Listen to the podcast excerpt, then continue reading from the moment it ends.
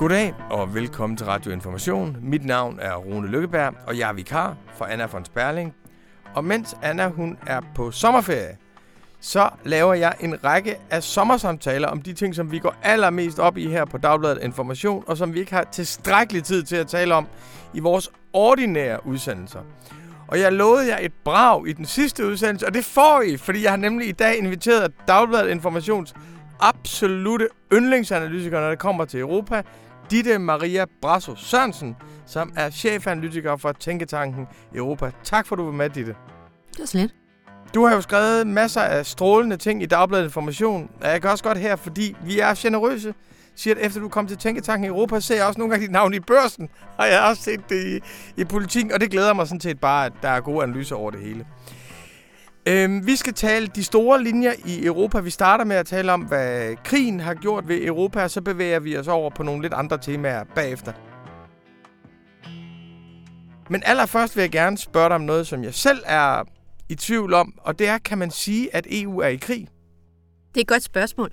Øhm, nej, vil jeg sige, det kan man ikke. Men man kan godt sige, at der er krig i Europa.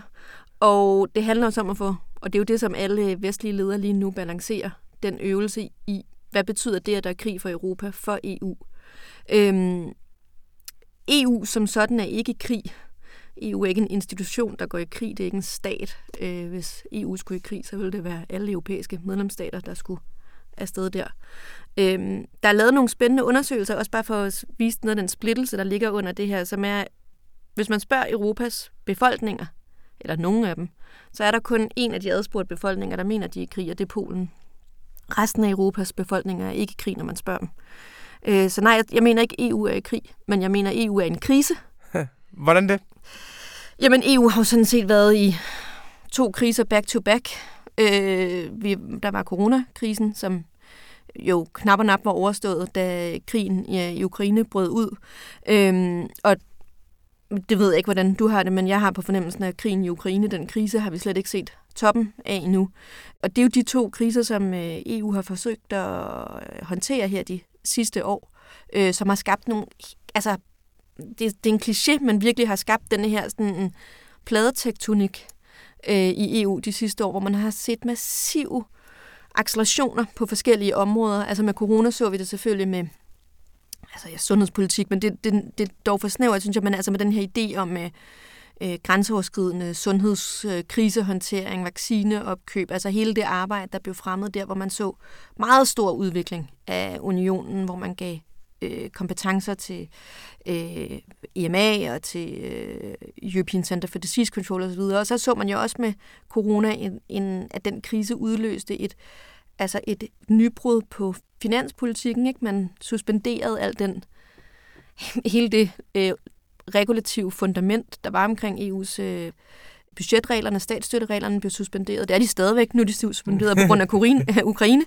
Øhm, og så gik man så direkte over i en, en, en ny krise, som de de er forbundet på den måde, at begge kriser har været med til at cementere den her idé om strategisk autonomi, og vi skal være mere uafhængige. Vi skal være uafhængige, når det kommer til øh, komponenter i, øh, i, i farmeprodukter, når det kommer til værnemidler, når det kommer til energi, øh, når det kommer til forsvar og sikkerhedspolitik, som vi ser nu med Ukraine. Så, så, så krig, nej, ikke direkte, men en krise, som har et helt utroligt aftryk på den måde, EU fungerer på. Øh, det vil jeg sige ja til.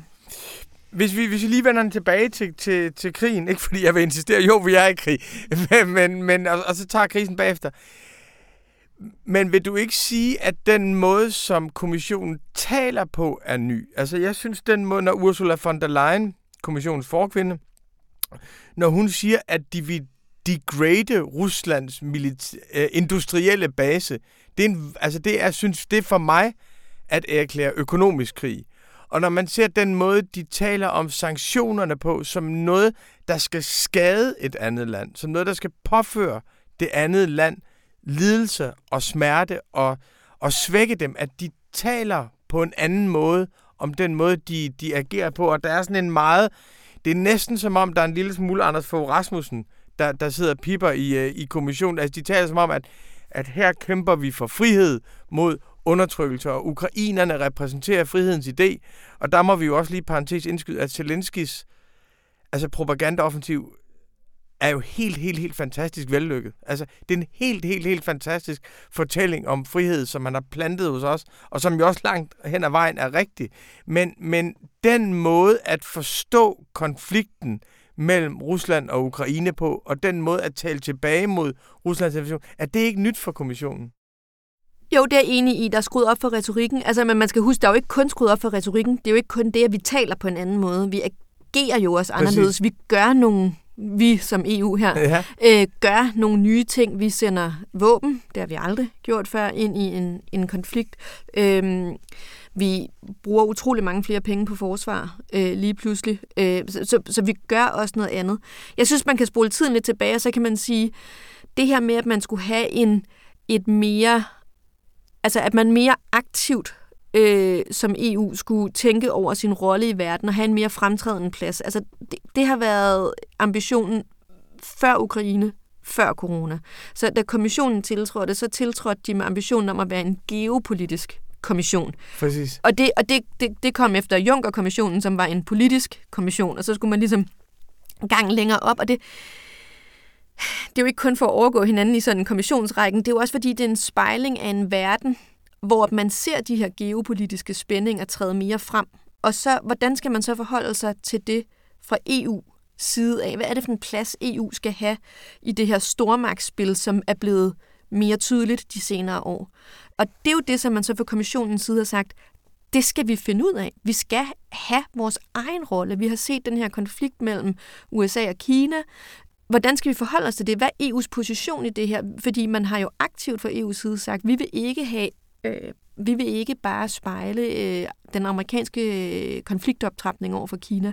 Vi vil have en anden relation til Kina, så ender man på et eller andet helt EU-agtigt, hvor det både er en systemisk rival og en økonomisk, øh, hvad hedder det? Konkurrent. Konkurrent og en samarbejdspartner, ikke? Øh, men, men, men pointen er, så, så, det, så det er jo noget, man tænker over inden corona og inden Ukraine. Og så tror jeg slet ikke, der er nogen, der i sin vildeste fantasi havde forestillet sig, hvor geopolitisk den her kommission ville blive. Altså den er blevet overhalet indenom af de her ting, der er sket i verden. Øhm, men så, så, det, så det er bare for at sige, at det har jo været en ambition hele vejen igennem.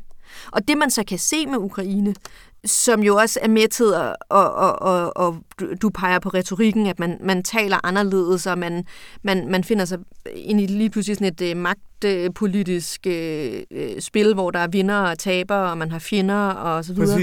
Øhm, det er jo, at det er gået bræt op for Europa, tror jeg, at denne her idé, man har haft i mange år, altså man kan sige helt siden unionen startede, der var det jo præmissen for unionen, at hvis man, man kunne simpelthen gennem øh, samhandel og tætte relationer sikre fred, det var jo præmissen for unionen, det var præmissen for, det var den interne fred i Europa, man etablerede sådan.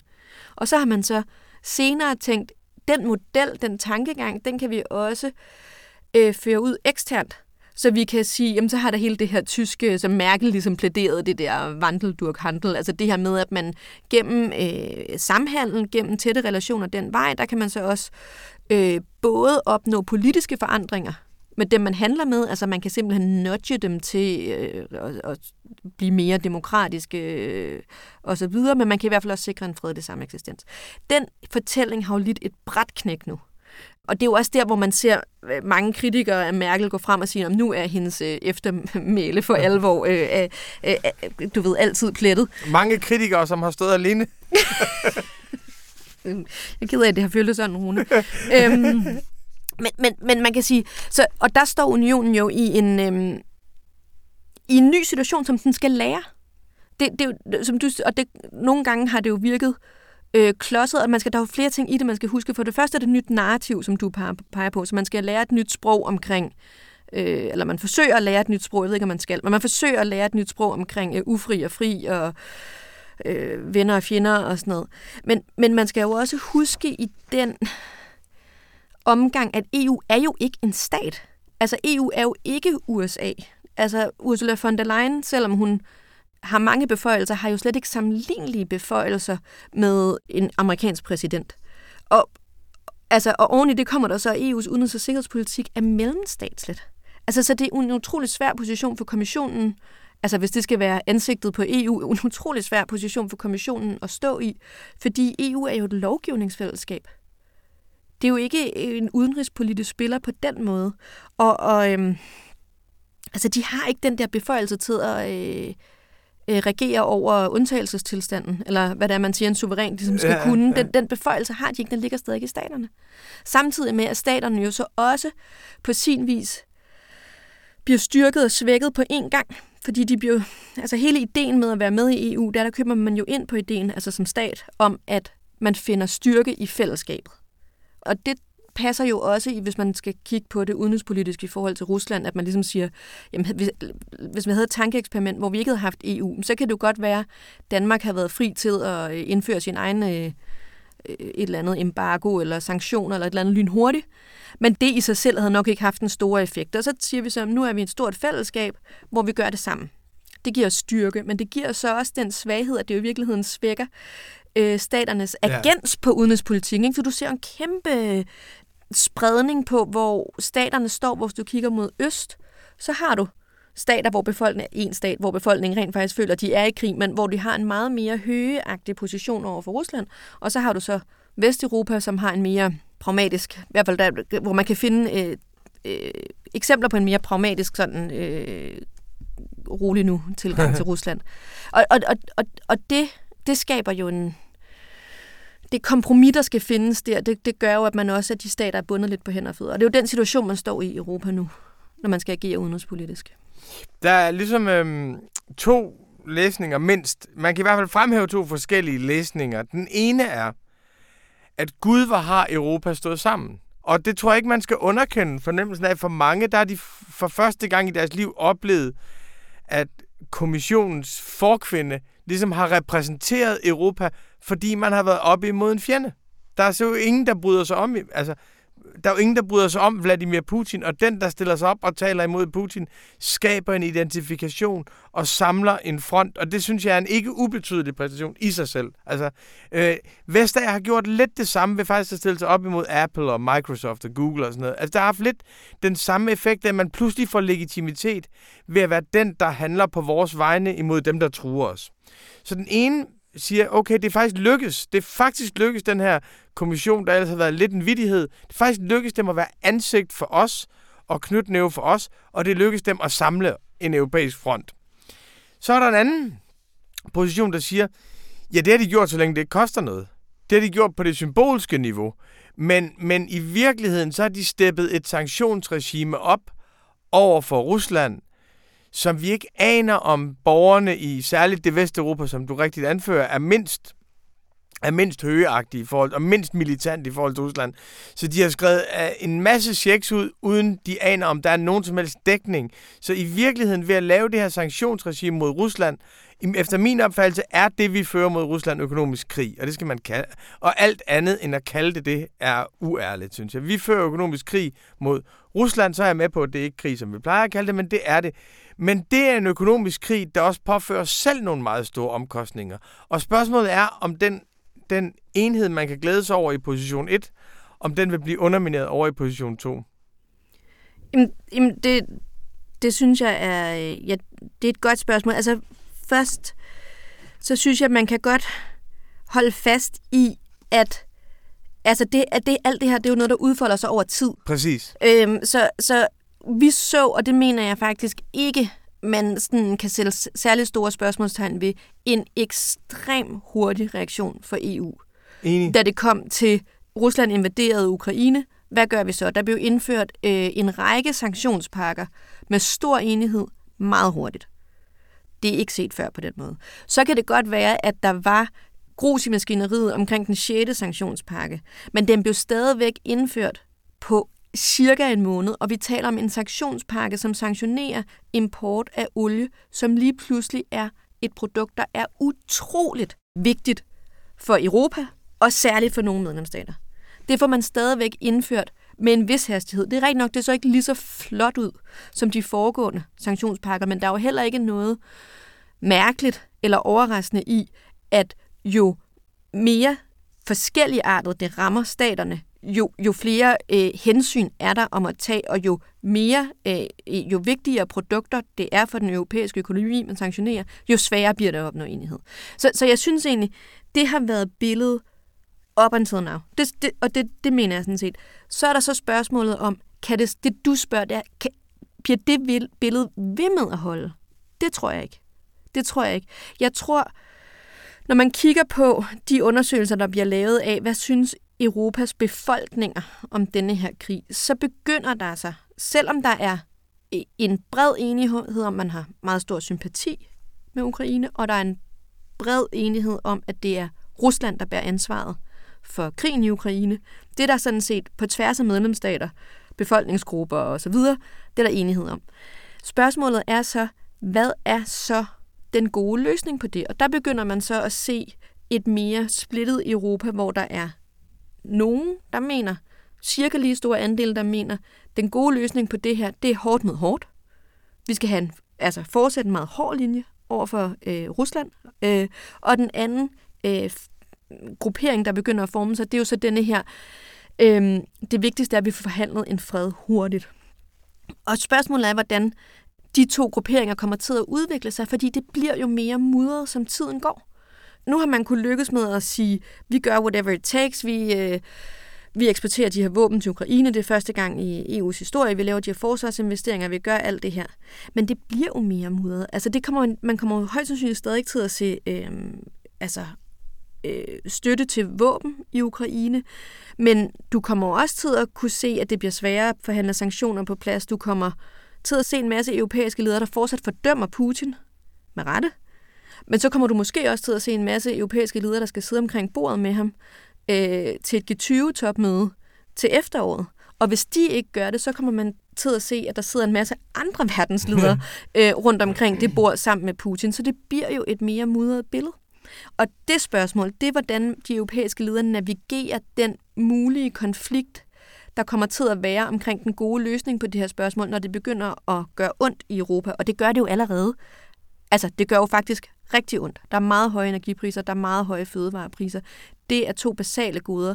Det rammer skævt. Det rammer dem, der har færrest penge. Min største, tror jeg, eller en bekymring, synes jeg i hvert fald i det her, det er, hvad det gør ved det europæiske sådan politiske landskab. For man kunne ende i en situation, hvor det, at man kommer til som europæisk borger at blive ramt af stigende priser, øh, man står i den her situation, hvor ens øh, livsgrundlag er værre, end det var før krigen, og du står med en politisk mainstream, som alle sammen siger, som, hvor du alle sammen kan sige, at de, de har et eller andet ansvar, ikke for krigen, men de har et ansvar for den position, jeg nu engang står i. At det, det kan være med til igen at erodere troværdigheden og opbakningen til den politiske midte, og så skabe det her, altså puste yderligere til sådan en politisk polarisering i Europa, fordi du leder efter, kommer til at lede efter nogle politikere, som ikke har beskidte hænder ja. i det, at du mangler penge til at betale sin en alt for høje energiregning og øh, sådan noget, ikke? Hvad tænker du, at det vil gøre ved... Altså, EU har jo rimelig... Har i historisk, efter min opfattelse, det ved du meget bedre end mig, min dilettantiske formodning må være, at EU har haft relativt stor output-legitimitet historisk. At det vil sige, at vi har jo ligesom, øh, vi har jo ligesom haft en klar formodning om, at det, at vi havde det indre marked, skabt afsætningsmuligheder, skabt velstand og skabt frihed øh, for os. Og, så det vil sige, det at handle gennem Europa har gjort vores liv nemmere og vores varer billigere og skabt flere arbejdspladser. Det er i hvert fald indlysende i Danmark, synes jeg. Nu er vi i en situation, hvor økonomien ligesom bliver en måde, som EU fører krig på. Og det var vi også selv, altså det var jeg, var jeg selv meget begejstret for i starten. Jeg synes, det var fantastisk, at man kunne føre krig uden at skulle sende, altså uden at gentage fejlene fra Irak og Afghanistan, basically. Og jeg synes, det var um, fantastisk, at man kunne gøre op med markedsmekanismer og sætte politik for økonomi og sådan noget. Men jeg kan godt have en bekymring for nu, at det, at EU ligesom fører den her meget offensive sanktionspolitik, at det også kan betyde, at noget, som EU gør i fællesskab, kommer til at belaste os økonomisk. Så i stedet for output, legitimitet, så får man det modsatte. Men spørgsmålet er, hvordan tror du, det kan slide på legitimiteten af unionen rundt omkring? Øhm, jamen, det tror jeg sådan set godt, det kan, og det tror jeg også er noget, som de fleste ledere er meget bevidst. Altså, så man kan sige, en, altså, en udgiftspost, det er, øh, det er jo Ukraine, men det er jo, det er jo ikke det eneste, der er dyrt fremadrettet. Altså, så, hvis du kigger på, hvad de vestlige stater står over for, altså massive udgifter, så er der jo både corona, hvor jeg tænker, det er fair at sige, at vi måske ikke kender det fulde udgiftstryk endnu. Der er grøn omstilling, der er, hvor man både skal have, altså, have hele pakken med reduceret CO2-udledning, der skal massive investeringer til at øh, få omlagt energiforsyning, og man skal prøve på at skærme forbrugerne mod øh, de prisstigninger, der kan være forbundet med det. Forsvarsinvesteringer, nu har de fleste europæiske lande jo øh, sagt ja til, at de vil lave ret massiv opjusteringer af deres forsvarsinvesteringer, og så kan man sige hele det spor, som du også peger på, men, men hvor at jeg synes, sanktionerne er kun en lille del af det. Ja. Altså, bare vent til krigen slutter, skulle jeg til at sige, så kommer genopretningen af Ukraine. Altså, der ligger også en, en, en, en, en finansiel billet i det, og så, og så kan man sige, at de andre øh, hvis man må kalde dem sådan, Ukraine-relaterede øh, udgiftsposter, som er håndteringen af en, en flygtningekrise. Øh, både den, vi har nu, og så måske en, der øh, vi, vi står over for senere. Og så, og så kan man sige, jamen, dit spørgsmål er i virkeligheden, kan EU holde til, at det hele bliver så surt? Og hvordan gør vi så? Og det er jo det, man begynder at kigge ind i nu, og det er jo også derfor, man begynder at se en større grad af kreativitet, ja. øh, når det kommer til det her øh, økonomiske politik i EU, hvor man øh, tidligere måske har kørt en mere øh, øh, hård ramme for, øh, hvad, man, hvad man skulle gøre, så har man med det nybrud, der skete under corona, hvor man optog øh, lånet, genopretningsfonden, det fælles gæld, det har jo skabt et større mulighedsrum for at tænke over, hvordan kan vi så sikre vores europæiske befolkninger for, at vi kan få gjort alle de her ting, som skal gøres, både både øh, vores øh, visionære politiske ambitioner på det grønne område, og også bare simpelthen det, at folk skal kunne betale deres varmeregning og så videre.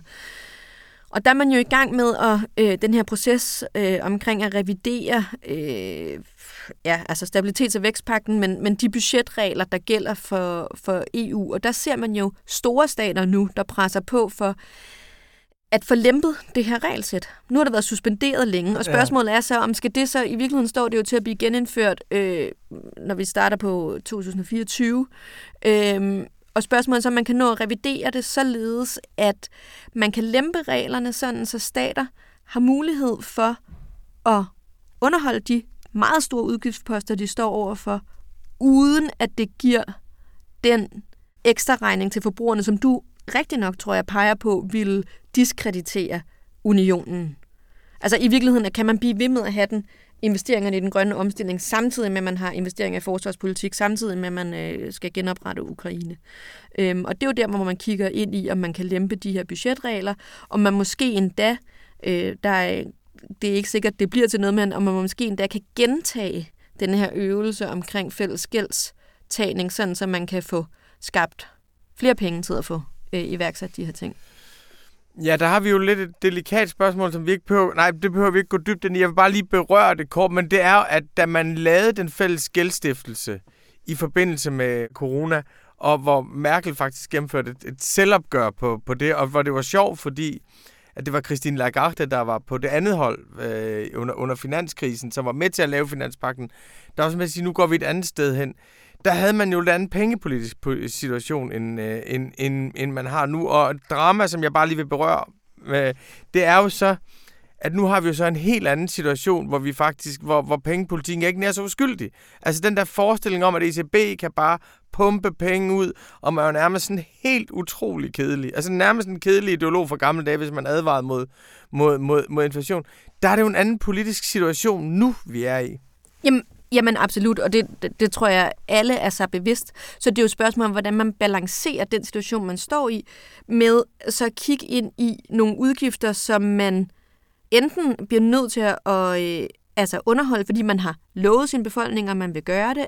Grøn omstilling er et eksempel på det. Eller nogen, man bliver nødt til at tage hånd om, fordi at man bliver nødt til at genoprette Ukraine, når den krig engang er slut, hvis folk skal blive i Ukraine, og man ikke skal ende med et eller andet øh, altså en, en stat, der fuldstændig kollapser, der ligger lige på Europas grænser. Så, det, så, så, så pointen er, ja. der er jo så ligesom to hensyn at tage der, og hvordan man får balanceret det på en måde, som gør, at hele økonomien ikke imploderer. Det, det håber jeg, nogle andre kan svare på. men du har jo skrevet en fantastisk tekst i Information, mange fantastiske tekster, men du har skrevet en om fødevarekrisen, hvor du peger på, at EU har jo e, altså EU har ikke ansvaret for, for fødevarekrisen, punkt 1. Punkt punkt to, den var allerede i gang før krigen i Ukraine. Jeg tror faktisk, man kan spole den tilbage til 2014-15. At der startede, efter der havde været fremgang fra 1960 og frem til, så startede den der. Men ikke desto mindre, så får vores engagement i krigen, vores økonomiske sanktioner, også et globalt medansvar for fødevarekrisen. Og der er sådan en global informationskamp om, hvem har ansvaret for de stigende priser. Hvem har ansvaret for det, der tegner til, som du også kalder det for, at blive en virkelig humanitær øh, katastrofe. Hvordan ser du EU's rolle i forhold til det, både informationskampagnen og hvad man reelt gør? Øhm, jamen, for at tage det med informationskampagnen først. Altså, jeg synes jo, det vigtige er at sige her, så kan man sige, at, øh, at dem, der siger, at EU har et medansvar i den krig, at det slutter vrøvl. Det, det, det er sikkert rigtigt. Men pointen er jo bare, at hvis du kigger ud over Vesten, ja. så det her narrativ om, at Rusland er den eneste aktør, der er ansvarlig for denne her krig, det er udfordret. Der er andre steder på kloden, hvor man ser anderledes på det her, hvor man har en anden fortælling om, at øh, NATO-ekspansionen mod øst og så videre, at det på en eller anden måde er et, et har et, det bærer et delansvar i, at selve krigen ja. finder sted. Og det kan være, at det er forkert, men det er jo den informationskampagne, man er ude i. Fordi hvis folk kan placere et delansvar for krigen hos Vesten og hos Europa, så får man også et sådan nærmest per automatik et delansvar for de spill-over-effekter, som krigen har. Og der er fødevarekrisen en meget, meget, meget væsentlig spillover-effekt, som risikerer at berøre rigtig, rigtig mange millioner mennesker.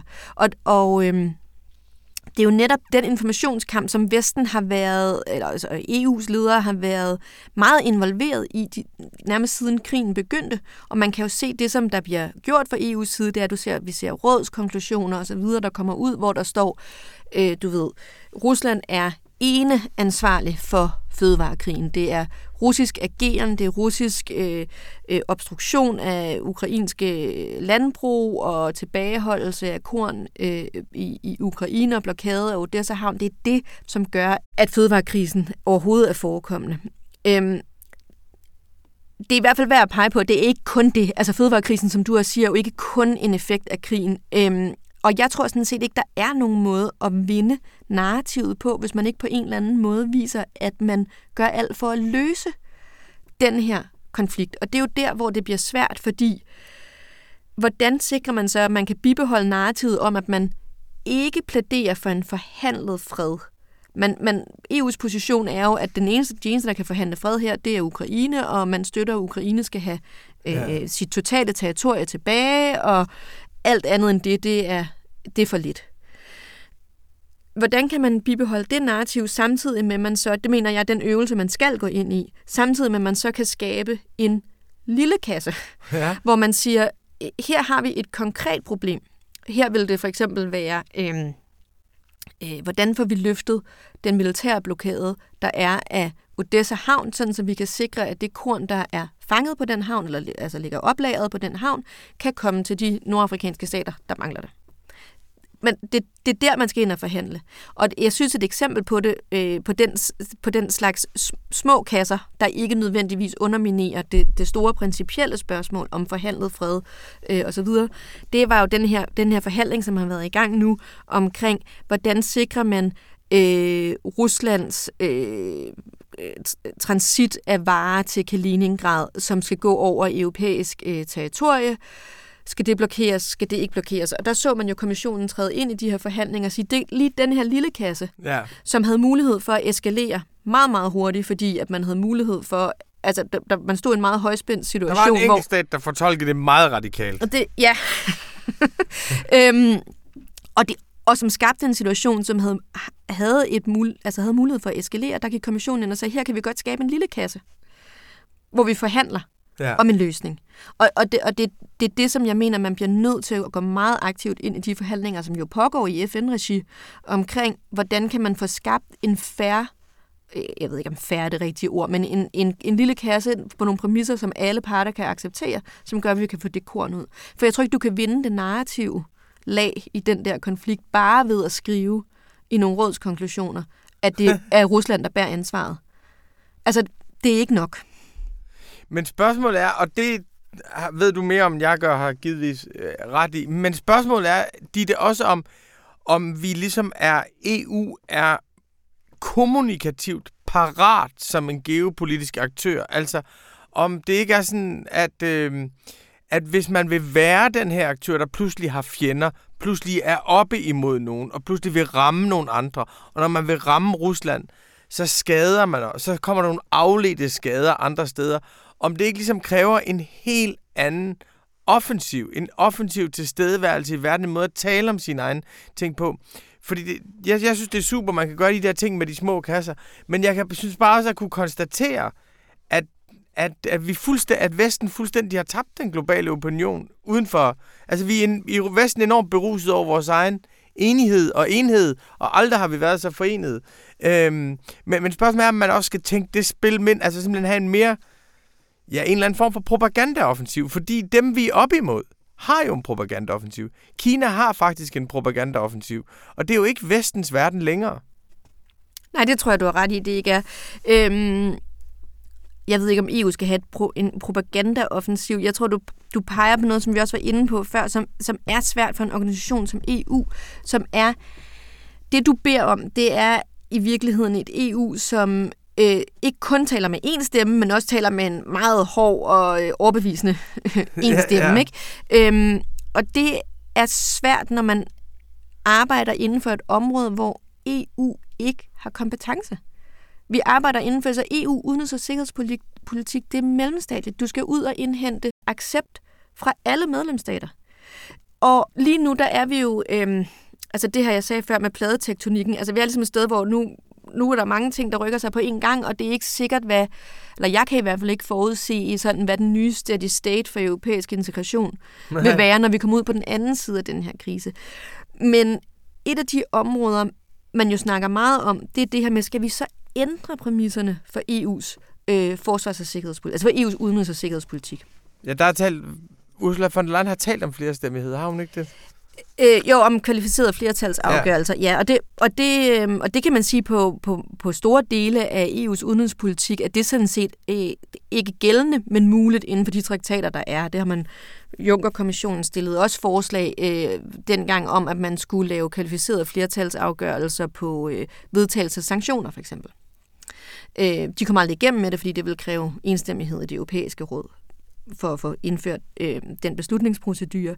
Men det er jo så noget af det, man begynder at snakke om igen. Og lige nu er der jo selvfølgelig en meget, meget brændende platform for, at man taler om, at vi skal være mere effektive i vores både beslutningsmyndighed, men jo også i vores, altså give noget, afgive noget magt, noget suverænitet, eller hvad vi kalder det, øhm, som gør, at vi af fællesskabet kan, kan tale klare, kan agere klare. Men, men jeg synes lige præcis det her, Lige præcis det her eksempel med de her sanktioner, det sanktionsområde, hvor man faktisk prøvede under den tidligere kommission at, og ligesom at lave det om. Nu står det jo lysende klart, så kan man have den læsning af den 6. sanktionspakke, som man nu engang har. Men om, om, om det var Ungarn, der, øh, der, der, ligesom, der ødelagde det for de andre, eller hvordan man ligesom læser det. Men, men pointen er jo, der er vi jo inde i, hvis man havde kommet igennem med det dengang, så havde Ungarn og de andre stater, Slovenien, Tyrkiet, som heller ikke øh, mente, de kunne klare sig uden den her olie.